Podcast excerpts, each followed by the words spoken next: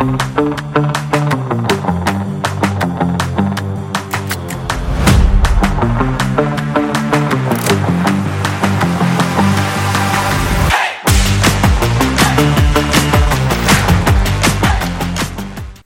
allihopa! Hjärtligt välkomna till direktionen.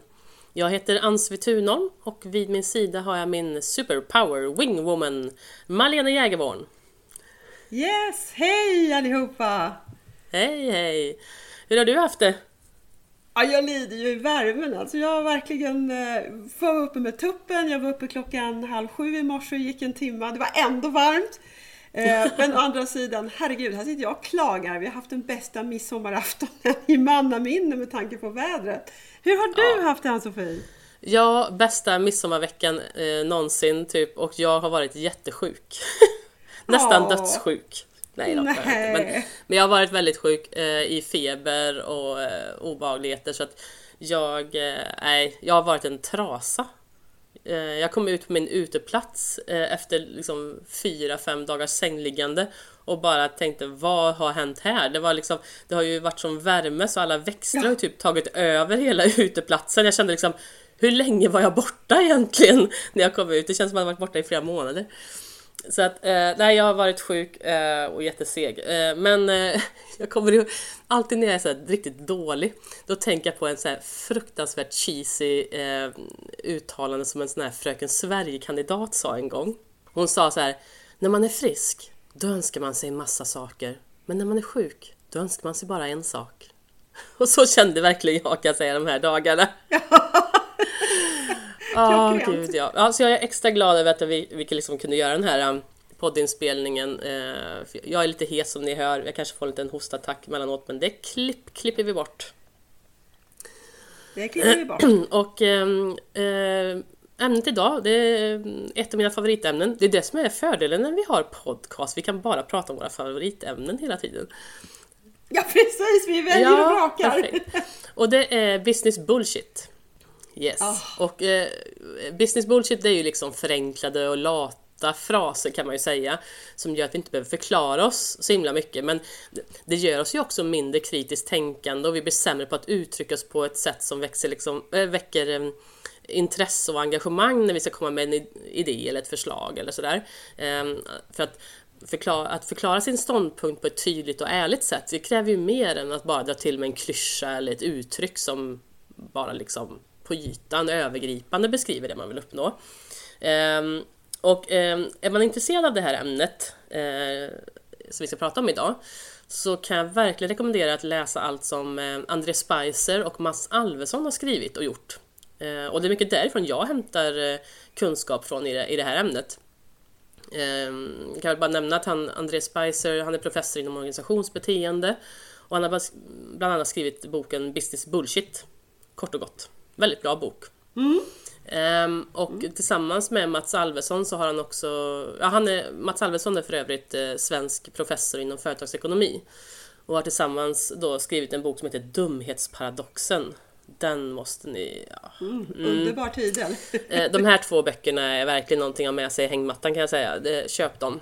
För de är väldigt bra på, de är väldigt bra på att liksom konkretisera det här problemet som vi ska prata om idag. För visst, det kan, vara, det kan vara enkelt att dra en fras eller komma på de här typiska trendorden som vi alla använder just nu. Men de här två herrarna, de, de sätter liksom in det som vi andra dödliga kan ha svårt för att att ta på och de gör, det liksom, gör att det blir lättare att få en helhetsbild av vad som händer med människor och organisationer där floskler, klyschor och trendiga managementord är liksom centrala i organisationen.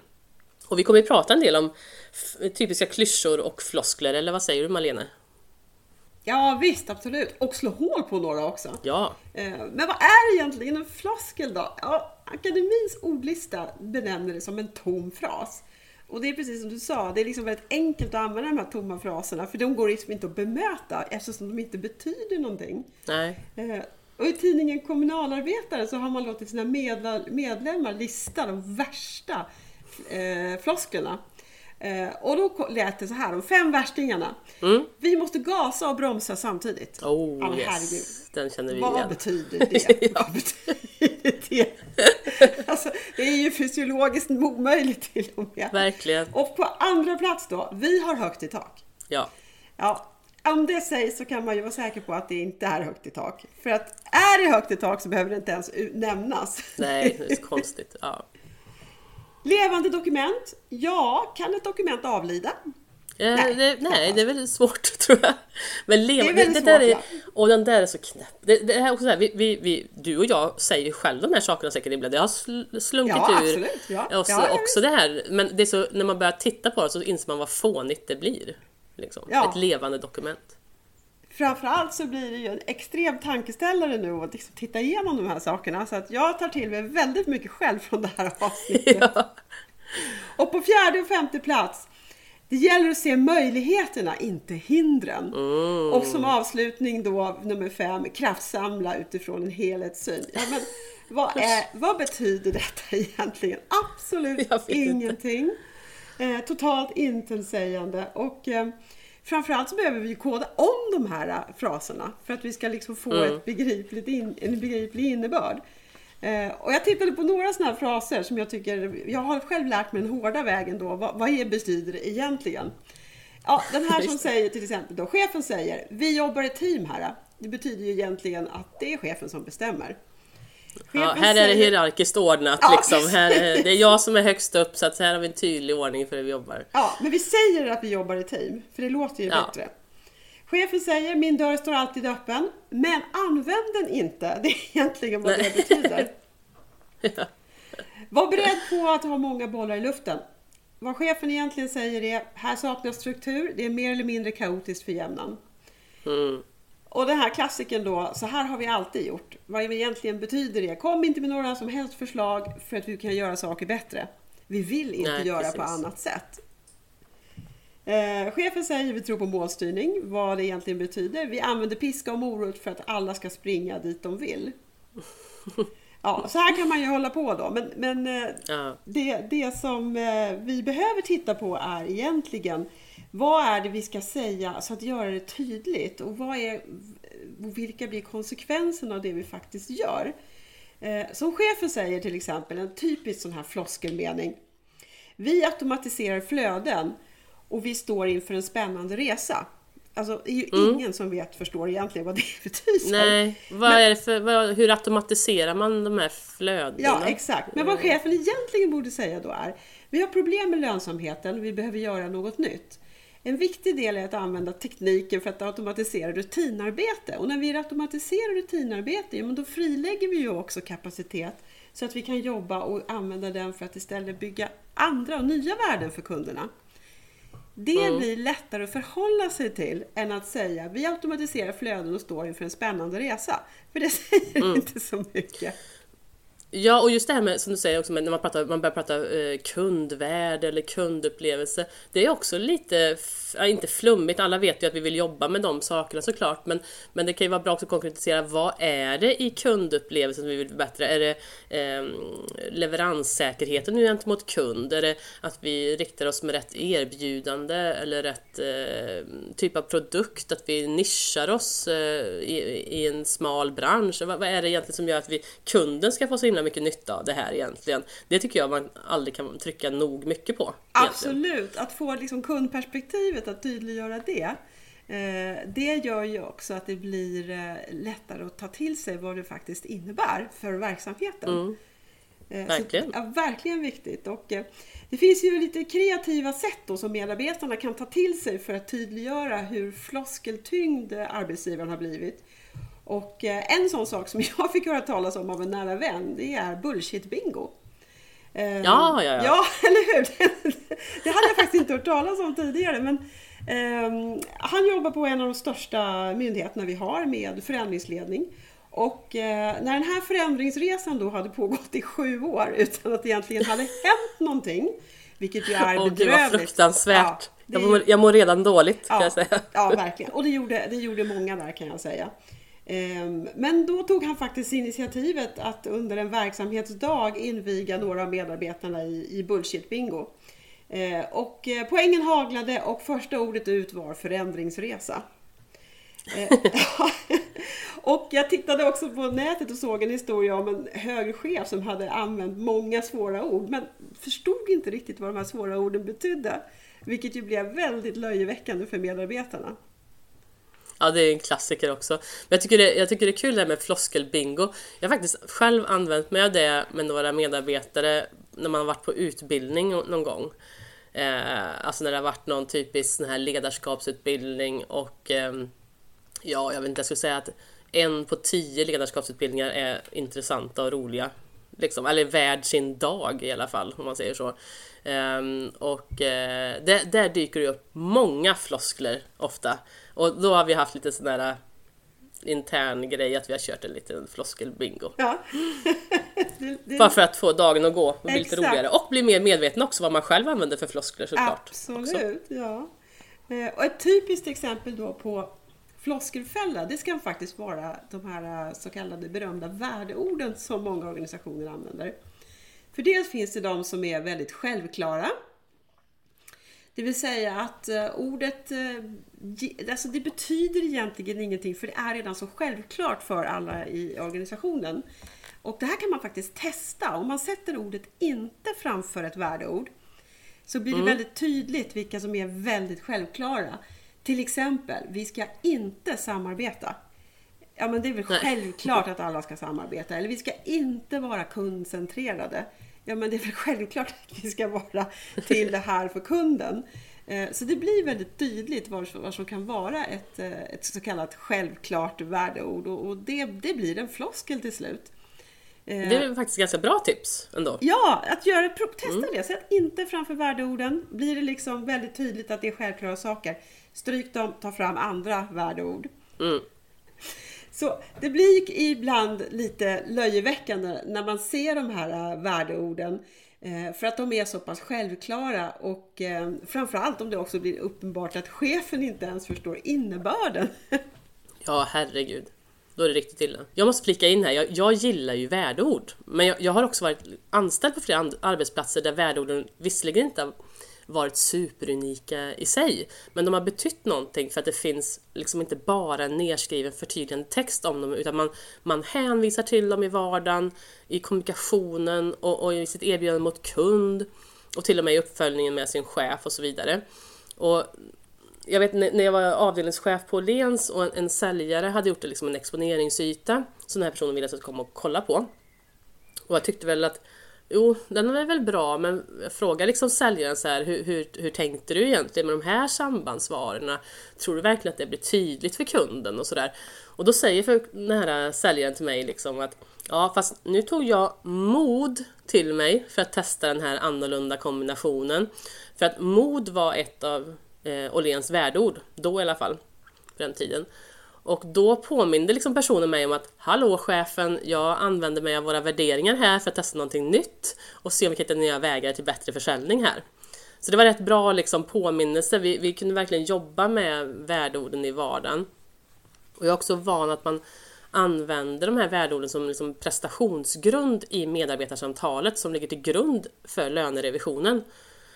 Och det jag tycker är det bästa med det, det är att man tvingar faktiskt både medarbetare och chef att ge exempel och förklara på vilket sätt som eh, man, eh, ens beteende eller medarbetarskap har varit modigt under året och i hur stor utsträckning man har varit modig och vilken löneökningsnivå det motsvarar. För det är ju lätt att säga så här, men jag är modig, absolut. Men då behöver man också gå in och ge konkreta exempel. Att Ja, men jag stod till exempel vid skönhetsavdelningen när en kund kom. Jag, jag kan ingenting om skönhet men jag tog ett djupt andetag, lyssnade på kunden och det blev ett jättebra samtal och kunden handlar för 1500 kronor. Ja, men det är ju ett jättebra exempel på att visa mod som säljare då. Medan chefen får också krav på sig genom att förtydliga eh, hur den tycker att personens prestation har varit genom att den måste säga så här att för att du skulle kunna hamna i hö den högsta löneökningsnivån då skulle jag vilja att du vid tillfället till exempel hade gjort det här eller gjort det här och det här. Då hade det gjort skillnad på att komma upp till nästa löneökningsnivå. Så jag tycker det är superviktigt att det ska finnas en tydlig röd tråd mellan företagets policies, riktlinjer, Eh, värderingarna och det vardagliga arbetet och liksom själva enhetens och individens prestation. Och liksom hur det till slut landar i lönekuvertet också.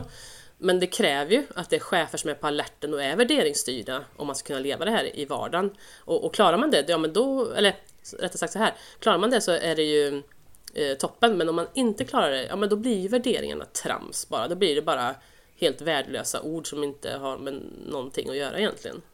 Visst är det intressant att se att det kan vara så stor skillnad liksom att värdering kan ju verkligen göra så stor Ja. skillnad och inte vara tomma ord om man bara eh, har riktigt dedikerade eh, chefer och medarbetare som använder dem i vardagen. Visst är det så. Ja, jag känner igen det där också du berättar med värderingsstyrt eh, kontra utvärdering i- eh, medarbetarsamtalen.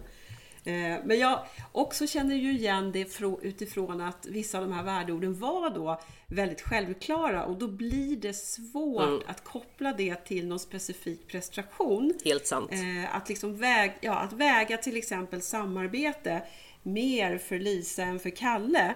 Eh, när det är så självklart för båda två att det är det, och för mig också då som, som chef, att det är det vi liksom bygger hela erbjudandet på.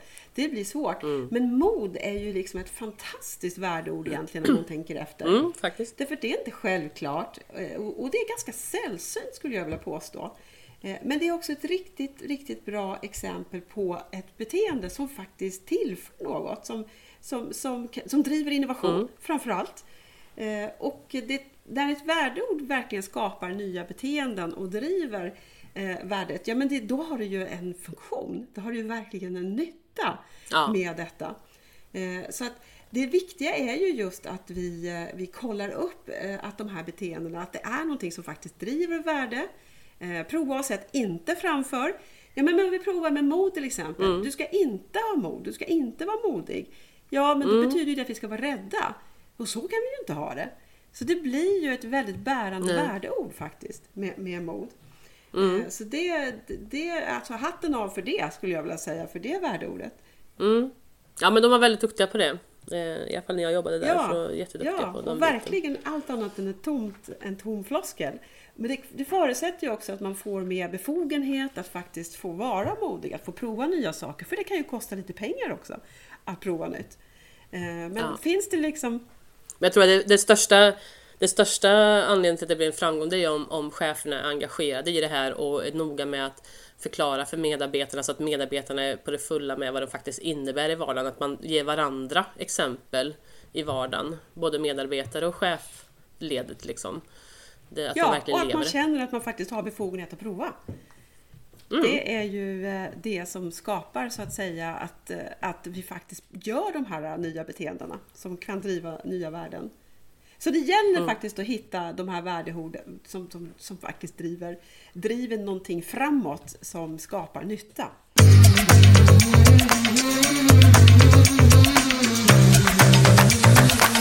Och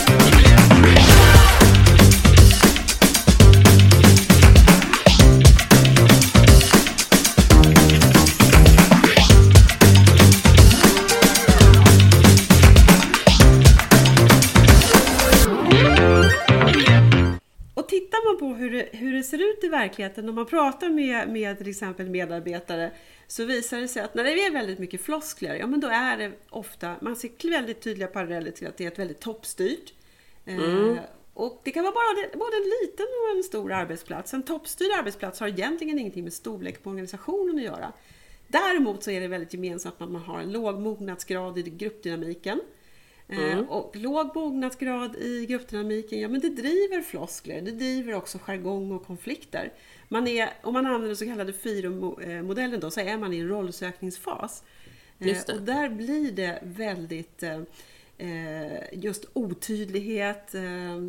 Och här finns också oftast rädsla som göder konkurrens. Och Så du menar rollsättning, i rollsättningsfasen där ska man säga att kommunikationen här och i det här fallet också valet av speciella ord och jargonger gör att vi börjar särskilja oss i våra positioner och våra roller där då i den fasen. Det är så du tänker? Exakt, exakt. Visst, Det skapar Intressant. osäkerhet och då ökar konkurrensen och så Mm. göder vi liksom den här hela rollsökningen. Och vi Just har också svårt att uppfatta varandras styrkor i det läget. För vi Mm. vill så gärna visa våra egna för att liksom Ja, ta positioner. Så det blir en väldigt konfliktfylld miljö dessutom. Och där frodas verkligen de här flosklerna också. Eh, Mm. Och eh, det finns forskning på det här där man har tittat på vad motsatsen skulle vara då, alltså det vill säga där man har en hög samhörighet. Och det Mm. präglas ju av förtroende, eh, alltså förtroende eh, kulturer.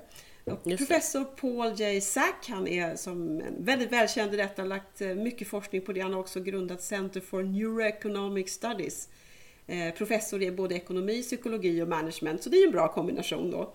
Mm, verkligen, verkligen. ja, och, och han har tittat väldigt mycket just på företagskultur och utifrån eh, medarbetare i organisation med högt mått av förtroende. Och där ser man också att produktiviteten är väldigt mycket högre. Eh, och man har lägre stressnivå och det är ganska stora skillnader. Så med hög, högt förtroende och där man också har en hög tydlighet och mognadsgrad i organisationen. Där har man 74% lägre stressnivå till exempel och det mäter man ju i stresshormoner. Man mm. har 106% mer energi på jobbet. Alltså dubbelt så hög produktivitet och 76% högre engagemang. Mm. Och varken floskler och tomma ord driver ju den här typen av medvetet samverkan och förtroende. Så att ja, men... det ligger väldigt mycket i vad vi använder för typ av ord och hur vi vill definiera våra beteenden. Exakt, för att jag menar, det, det är ju om vi ska bygga ett förtroende om vi som ledare ska bygga förtroende inför en grupp, ja men då handlar det mycket om vår kommunikation och våra beteenden. Eller hur? Någonstans.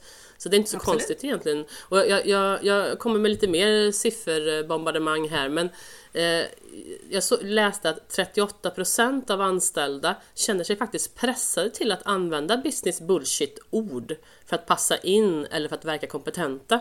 Och där mm. kommer till det här, man vill ha samma språk som hitta en slags gemensam faktor, visa att man eh, förstår eller att man vill komma närmare chefen eller ledningsgruppen. Om då ledningsgruppen pratar väldigt mycket managementord och sånt där, då vill man liksom visa att man hör hemma i den eh, sfären på något sätt.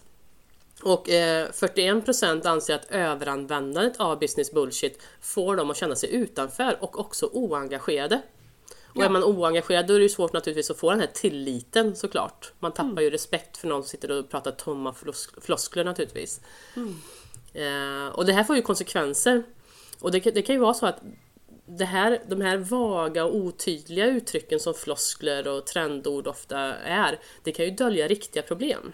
Ja, visst. Som man inte riktigt kommer åt, eller hur? Ja, visst. Mm. Och det kan skapa indirekta grupperingar, det vill säga de som snackar snyggt och de som inte orkar höra på eländet. Mm ja. eh, eller hur? Det kan man ju se på en arbetsplats nästan, hur, hur vissa eh, delar av företaget bara tröttnar när ledningen drar till med lite för fina ord eller uttryck. Och, ja, den, den, gruppen, den gruppen hittar man oftast längst bak i rummet där alla sitter ja. och lyssnar. Eller hur? ja. Exakt, och, och, och det, det, här kan ju påverka samarbetsviljan och förmågan att nå varandra. Det blir ju liksom ett maktspråk helt plötsligt, det här business bullshit, som, som skapar klyftor istället på arbetsplatsen. Um, och är det under en presentation som man använder mycket jargonger och sånt där, ja men då riskerar ju deltagarna att zooma ut och inte lyssna om det är för mycket bullshit eller jargong och sådär. Uh, och en del uttryck eller klyschor är ju också kulturellt betingade behöver man ju tänka på och de betyder ju olika saker beroende på hur man tolkar det så det behöver man ju också ha med sig lite grann. Um, men, men det finns ju alltså vissa modeord eller så buzzwords som alla verkligen använder under en period, alltså säg alltifrån några år bara sådär. Jag tycker det, är inte det jättemärkligt att det finns sådana här ord som helt plötsligt använder alla ett nytt ord? Har du tänkt på det? Malena? Ja, absolut, absolut. Men jag kan ju också se, alltså, i rätt sammanhang mm. och med en tydlig koppling till den specifika egna verksamheten, där kan de faktiskt ge, ge mening och göra nytta. Mm. Eh, men personligen så tycker jag om det här uttrycket att kalla en spade för en spade. Ja, det vill säga exakt. att hitta de här enkla formuleringarna eh, istället för att använda kanske buzzwords och till och med engelska ord. Men att hitta de enklaste, liksom kärnan till innebörden i orden. Det mm. hjälper väldigt mycket för att liksom inte falla i den här floskelfällan också. Nej, men jag håller med dig och kalla spade för en spade tycker jag är jättebra att ha som en, en, en minnesregel. Men också att, att självklart kan buzzword hjälpa till och, och det kan ibland förenkla det för oss. Vi, liksom det, det, är kanske det är en naturlig del av vårt språkliga beteende kanske att ta in nya ord och testa dem och sådär. Men då ska ju orden tillföra någonting tycker jag. Um, jag har faktiskt en, en, en topplista över de här modeord och uttryck som jag personligen blir galen på. Ah, spännande, jag, berätta! Ja, alltså jag, jag, kommer att få mer och mer eh, stressutslag ju högre upp vi kommer på den här listan här. Men eh, vi börjar med eh, plats nummer fem. Skalbar. allting idag ska ju vara skalbart. Eller hur? Eh, men hur många säger vad det egentligen betyder och vad det innebär? Det vill säga verksamheten ska kunna utökas kostnadseffektivt i en tillväxtfas men även komprimeras och dras tillbaka vid en eventuell tillbakagång utan att det kostar för mycket pengar. Och ja, det låter ju jättevettigt. Så vill vi ju ha det såklart. Men vilka krav ställer inte det på en avdelning eller en organisation eller en affärsplan? Och hur många kan egentligen få det att fungera i verkligheten? Eh, men att säga att någonting ska vara skalbart, det låter ju enkelt och det låter väldigt förnuftigt. Det är ett ord, men det är ju väldigt mycket det ordet innefattar. Hur många kan säga på rak arm att vi har en sån skalbar organisation så att så fort eh, marknaden vänder, jajamän, då drar vi tillbaka och det kostar oss inte alls särskilt mycket. Och när den ökar på och vi har möjligheter, då bara släpper vi loss hästarna och det kostar inte heller särskilt mycket pengar och det går smidigt och snabbt. Hur många kan säga så egentligen? Ja men visst är det så. Framförallt så är det ju en helt naturlig del. Alltså det är, ja. det är som floskel för intressant. Det är en helt naturlig del. Men det bär mening om vi däremot går in och pratar om hur det ska göras. Mm, och absolut. att vi gör det tillsammans med medarbetarna.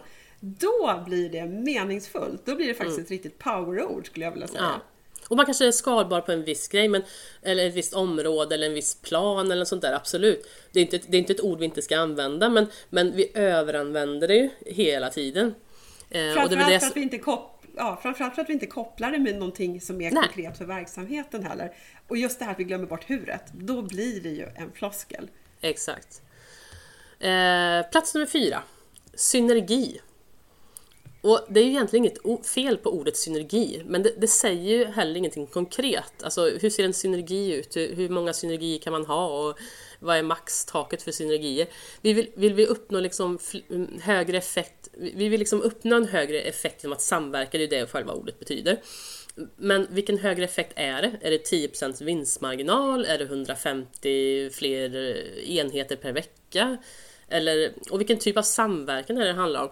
Det, det, här är ordet är bra om man använder det i samband med konkreta exempel som vi var inne på. Annars säger inte det någonting. När man säger att ja, men i och med den här nya implementeringen så kommer vi få ökade synergier genom företagets bla bla bla arbetsflöden. Det säger ju ingenting egentligen. Nej, och framförallt så använder man ju ofta synergier för att eh, det ska spara kostnader. Det är ju kostnadsbesparingar ja. man är ute efter och det är ju inget trevligt ord. Alltså Nej. man vill inte gärna använda det ordet och då pratar man om synergier istället. Det Men å andra sidan så för, ja, för, för förstår ju alla vad det egentligen är. Ja, så det, det blir liksom en floskel. Ja, och så plats nummer tre. Best practice. Eh, det är ju en metod eller en teknik som levererar det bästa resultatet jämfört med andra metoder och tekniker. Men det här överanvänds ju verkligen i mitt skrå av konsulter och managementkonsulter. För vem kan ifrågasätta best practice? Är det det bästa så är det ju det bästa. Och då är det många som bara accepterar det. För det blir liksom svårt att ifrågasätta det. Vem är du att ifrågasätta best practice här? Varför ska vi utmana det? Men, men vilka andra eventuella lösningar skulle kunna passa bättre i många av de här fallen om man inte bara hade utgått från best practice? Det blir ju inga nya best practice heller om inte vi vågar tänka nytt heller. Så det här är väl lite mer en varning för att, ehm, att eh, inte hamna i en tankefälla egentligen, där man slutar tänka på nya lösningar. Och framför allt så kan man ju vara väldigt tydlig med att lyfta goda exempel. Ja, och förklara exakt. på vilket sätt det här är ett best practice för just våran verksamhet. Ja, Då blir det tydligt. Mm. Och eh, nu börjar det hetta till sig här på toppen här. Plats nummer två. Vertikal. Åh, oh, gud det här ordet, alltså jag, jag hör det överallt hela tiden. Eh, egentligen så står det ju för en lodlinje eller y-axel liksom. Och fram till för, ja, vadå, två år sedan så fanns det väl inga vertikaler överhuvudtaget annat än inom matematiken, eh, finans och möjligtvis kanske byggbranschen eller något. Eh, men nu finns det ju vertikaler precis överallt. Eh, man eh, använder det, man, säger till och med personlig vertikal utveckling. Och, och, och, då har man, liksom, när jag läste och googlat lite grann så här, då har man sett vertikal i form av utveckling som att det betyder att man tänker nytt jaha, varför kan man inte bara, alltså, behöver vi ordet vertikal för det? Jag, tycker det här är ett typiskt modord som inte förenklar, det är inte tydligt för alla exakt eh, vad man menar. Någon gång ibland, självklart passar det in, men det används, överanvänds alldeles för mycket. Det krånglar bara till det, i alla fall i mitt lilla enkla huvud. Vad säger du? Ja, jag har ju hört ordet, ordet som, med, som eh, stuprör. Mm. Alltså den här stuprörsbetonade arbetsplatsen och eh, då blir ju motsatsen till det horisontellt, att man jobbar horisontellt. Och det är också en typiskt floskel. Ja. Vilket innebär att man jobbar med matrisorganisationer. Och då har vi kommit så högt upp i floskeltoppen så att eh, det är väldigt få som ens kan förklara hur det där ens ska gå till. Exakt. Vilka har vi högst upp på floskeltoppen då? Ohotad etta skulle jag säga att det här är. Ja. Narrativ. Ja. Alltså narrativ, för, för mig är det här det absolut största bullshit-ordet just nu. Eh, mest för att det inte behövs. Det ligger inte skönt i munnen. Eh, och det pressas konstant in i meningar där jag inte alls tycker att det passar in.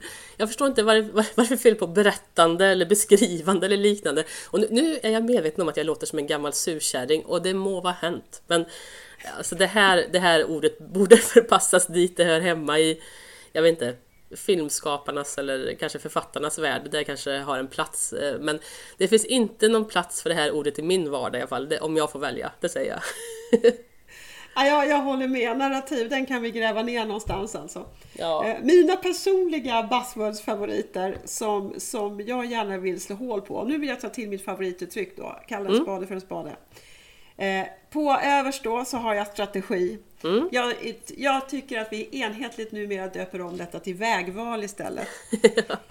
Då blir det ju så mycket lättare. Alltså vägval som omvandlar visionen till värde. Vad ska vi välja för väg dit för att nå visionen? Ja, men det har väl gått lite inflation i ordet, för jag kan gilla Ja. ordet strategi, jag gillar det så, men, men det är väl att man, när man har hört någonting tillräckligt mycket och man slänger sig till, det låter som att en strategi låter så otroligt genomtänkt och en, ett bra förberedande arbete för en stor förändring. Då har vi haft strategimöten och det, det låter väldigt viktigt och bra, men, men eh, ja, det är inte alltid alla... Precis, och börjar man peta i den här strategin så här visar det sig att det oftast inte är en strategi utan Nej, det är en exakt. taktik eller åtgärdsplan. Precis! Så, så man har inte riktigt förstått innebörden av det. Eh, och mitt andra sånt där buzzword som jag gärna vill slå hål på det är transformation. Mm. Eh, om vi istället för det ordet använder ordet omställning, för det är precis vad det handlar om. Det är en omställning för att få nya bestående beteenden. Mm. Och för det använder vi nya eh, processer, nya sätt att jobba på, men vi ska få nya bestående beteendemönster. Så det är en omställning som det handlar om. Eh, som påverkar i princip hela, hela organisationen också. Verkligen. Mycket enklare att förhålla sig till det ordet än till transformation. Och sen mitt kanske absoluta mest bullshit floskelord all times high är ordet ledarskap. Det vet jag att Eh, det här är lite sån här, din lilla eh, hatfavorit där, vet jag. Ja, det är verkligen min alltså, hate-love objekt. Och, eh, det är ett ord som vi använder så väldigt mycket och på i princip alla mina styrelseutbildningar så brukar jag ställa frågan till alla deltagarna. Om du ska ge mig ett annat ord, ett annat substantiv, för ledarskap är substantiv, som du kan byta ut i alla andra sammanhang där ordet ledarskap används. Vilket ord väljer du då? Och det blir alldeles dödstyst. Mm. Även jag blev tyst när du frågar mig, så blev jag också helt ja, tyst. Även, ja, även du blev tyst. Eh, och faktum är att jag har inte fått det här från någon hittills. Men eh, det finns ett ord som vi kan använda och eh, det är också det här kalla en spade för en spade. Eh, jag vill härmed göra ett upprop och be alla som använder ordet ledarskap att byta ut det mot ordet beteende istället. För det är precis det det handlar om. Mm. Det kan ju vara lite svårt för en del att tänka så här, vadå ledarskap, beteende, är det verkligen samma sak egentligen? Och utveckla gärna. Ja det, ja, det är absolut samma sak. Så att de beteenden som vi använder för att eh, påverka en grupp i en viss riktning, det är vårt ledarskap. Eh, De beteenden vi använder för att leda oss själva, det är vårt självledarskap. Just det. Eh, Och det som är intressant med ordet beteende, det är också att det är direkt kopplingsbart till ett personligt ansvar. Det vill säga, vi är alla personligt ansvariga för våra egna beteenden. Vi kan liksom inte delegera vårt eget beteende till någon. Nej men det är sant, du, du, har, du har rätt i det. Jag, jag, när, när du sa det första gången så var jag lite så här, jaha, men vad ska du, är det verkligen ett bättre ord än beteende? Men du har faktiskt börjat vända mig lite grann i det här, för jag, jag håller med om att ledarskap är också någonting som överanvänds otroligt mycket också. Eh, och jag tror faktiskt det är viktigt att inse vad ordet faktiskt betyder. Det handlar ju om vårt sätt, våra beteenden som påverkar vår grupp att komma i rätt Ja. riktning, eh, att gå i rätt riktning och så vidare. Absolut. Mm. Och är det nu så att vi kopplar det, att vi använder ordet beteende, då blir det också väldigt glasklart vad vi pratar om. Ja, För vi kan liksom inte gömma oss bakom floskelordet ledarskap längre utan då gömmer vi oss bakom våra beteenden och det är väldigt svårt att göra. Och det allra mest intressanta med detta är ju att ju högre upp vi är i organisationen ju större påverkan har vårt eget beteende på alla andra i verksamheten. Så allra störst påverkan har VDs beteende på verksamheten. VDs Såklart. ledarskap. Och jag tänker nu sen när du säger det att tänk om man kallar, istället för att kalla det för ledarskapsutbildningar, kallar det för någon slags beteendeutbildning istället. Eh, vilken skillnad det skulle bli på innehållet då tänker jag. Ja, det blir glasklart. Eller hur? Det blir Då ska man ju verkligen ha pratar fortfarande, ja, man pratar fortfarande om exakt samma sak. Ja. Hmm. Kommunikationsbeteende, eh, förtroendebaserat beteende, autonomt eh, beteende, att eh, delegera så att säga. Allting handlar om beteenden. Men det blir väldigt glasklart. Mycket Så intressant. det var mina absoluta tre, tre floskeltoppar. Strategi, transformation och ledarskap. Precis. Ja men det var jättebra. Och vi, vi använder ju de här orden, eh, de här olika modorden, som vi, jag menar, vi alla gör ju det. Eh, för, för att vi vill visa att vi tänker lika. Det är ju ett sätt, kommunikationen för oss är ju, vi vill ju komma närmare varandra som människor liksom och, och visa att vi, har, vi är på samma nivå, vi uttrycker oss på samma sätt. Jag, alltså förstår jag att du hänger med, du har koll på läget och sådär. Och framförallt i, när det gäller klyschor och sånt, eller ja, klyschor och buzzwords så låter det oftast väldigt bra. Men, men det är viktigt att tänka på hur ofta vi tappar själva innebörden och, och vi kanske egentligen börjar uttrycka oss otydligt men det låter snyggt och imponerande det här med de här tomma fraserna som du var inne på. Och det är lätt att hamna i det för man vill passa in. Eh, man vill imponera på chefen, man vill visa att man är smart och kan uttrycka sig väl, att man är vältalig. Och vem vill inte göra det? Eh, men tyvärr blir det ibland nästan ett låtsasspråk. Och jag har varit med om det flera gånger eh, som chef när en anställd Ja, det här handlar oftast om vissa typer av personligheter som kanske inte alltid är den som levererar det bästa resultatet på arbetsplatsen och dessutom har en tendens till att vara en liten drama queen som ser sig själv som en liten eh, ja, men som en självutnämnd rättsskipare från de övriga i teamet. Eh, sällan en person med pondus kan man väl säga. Eh, och när den här personen ska skriva ett klagomål om en ganska enkel sak till chefen då, till mig till exempel, men sen så skriver den personen i mejlet extremt högtravande med ord vars innebörd de inte förstår själva, vilket blir väldigt märkligt i mejlet också. Och tonen blir mer och mer laddad än vad det borde vara. Och får man ett sånt mail som ledare då, då tappar man ju respekten direkt och tar det liksom inte ens på allvar. Så att, jag, jag jag kan dra ett exempel som jag, nu är inte det ett exempel som jag bara tagit med från minnet lite grann. Att eh, någon kan skriva så här. Eh, det har vid flertalet, flertalet tillfällen uppkommit omfattande problem gällande förmågan att vid behov skriva ut en dokumentation som för avdelningen är av högsta vikt, vilket har fått ödesdigra konsekvenser och påverkat företagets kunder på ett otillbörligt sätt. Vi ser med tillförsikt på möjligheten att vi kan hitta en passande lösning som är kompatibelt för alla parter. Alltså, så ni vill ha en skrivare? Det är det ni vill ha? Ja. Säg då att ni vill ha en ny skrivare.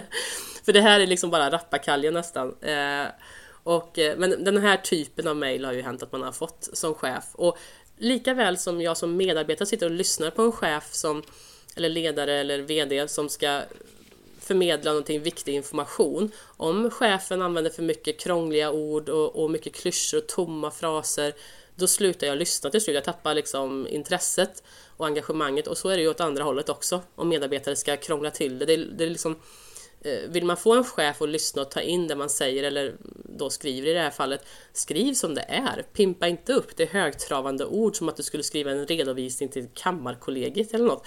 Utan, och använd framförallt ord som du förstår själv.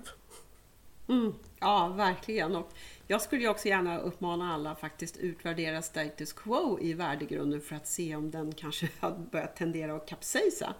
Ehm, och det är ju så att ibland kan ju styrning tendera att bli nästan åsiktsstyrning. Och då är man, och liksom fördummande på något sätt och då Ja, är man ju just det. rätt illa ute. Eh, och det kan man se effekter av när verkliga arbetsmönster och beteenden avviker ifrån intentionen. Eh, när det händer då förstår man att man har liksom tappat kopplingen mellan sina värdeord och att det har liksom blivit floskler och eh, verksamheten lever liksom sitt eget liv och ofta utifrån en god intention att leverera. Mm.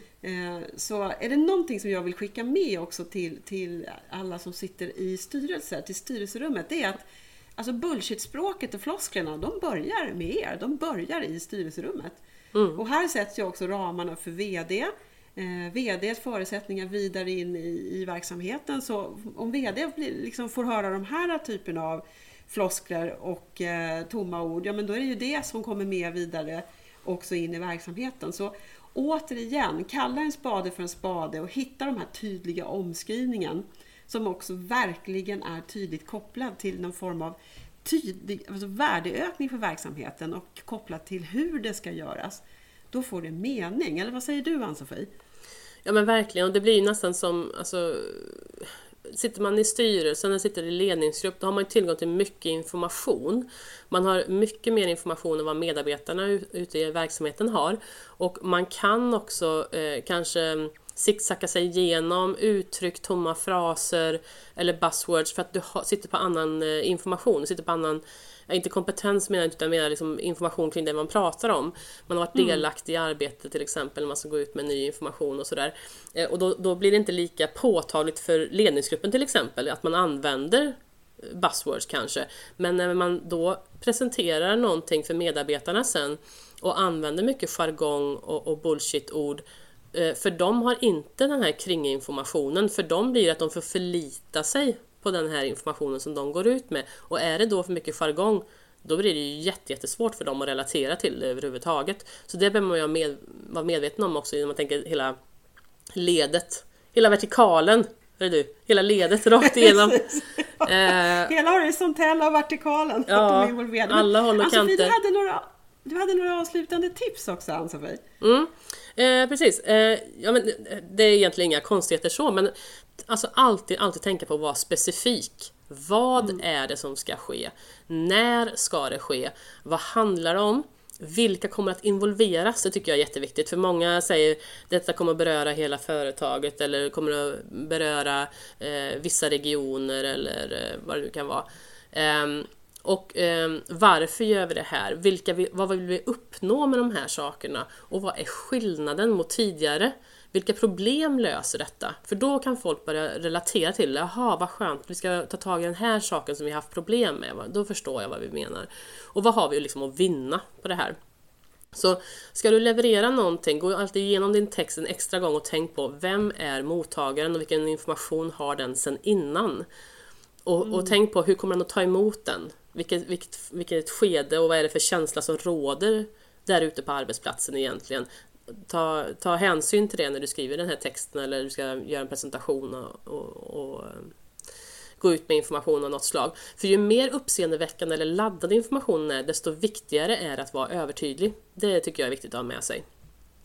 Absolut. Och som, man, som du säger då, att formulerar man sig för mottagaren, precis som man ju ofta gör för kunderna, alltså kunderna externt, så kan man ju vara minst lika noga med att formulera sig eh, för mottagaren internt också. Precis, Självklart. verkligen. Det var det Men det. då så, då har vi, ja det var det, då har vi gått i mål med dagens avsnitt. Och eh, ja, nu har vi gått igenom hur det kan se ut i verkligheten i den floskelfyllda tillvaron av business, business bullshit. Och vi har också punkterat eh, några, några floskler och eh, som sagt medskicket som vi har varit också förhoppningsvis väldigt tydliga med att vara eh, tydlig med vad och vilka konsekvenserna blir. Eh, Och alla länkar som vi har använt de lägger vi in i ledarpodden Direktionen på LinkedIn. Och ni kan också kontakta oss för sponsringsförfrågningar på direktionenpodden at gmail.com. Några sista avslutande ord Ann-Sofie? Ja, vi kommer ta ett litet sommaruppehåll här också under några veckor eh, och ladda upp med lite ny, eh, nya spännande avsnitt. Vi har också be- befinner oss i lite olika locations här. Nu, då, nu drog jag in engelska ord, det är också en klyscha. Förlåt. Ja, Vi kommer befinna oss på olika platser under semestern och därav eh, kommer det bli lite svårt att spela in. Så att vi, vi kommer ta någon vecka ledigt. Men eh, ni som inte har hunnit lyssna på alla avsnitt, det är bara att plöja dem på, på ehm, Spotify och Podcaster och ja, finns där poddar finns så att säga. Så är vi snart återigen. Supertaggade, superladdade med solenergi kommer vi tillbaka. Stort tack! Hej så länge! Ha det bra! Hej!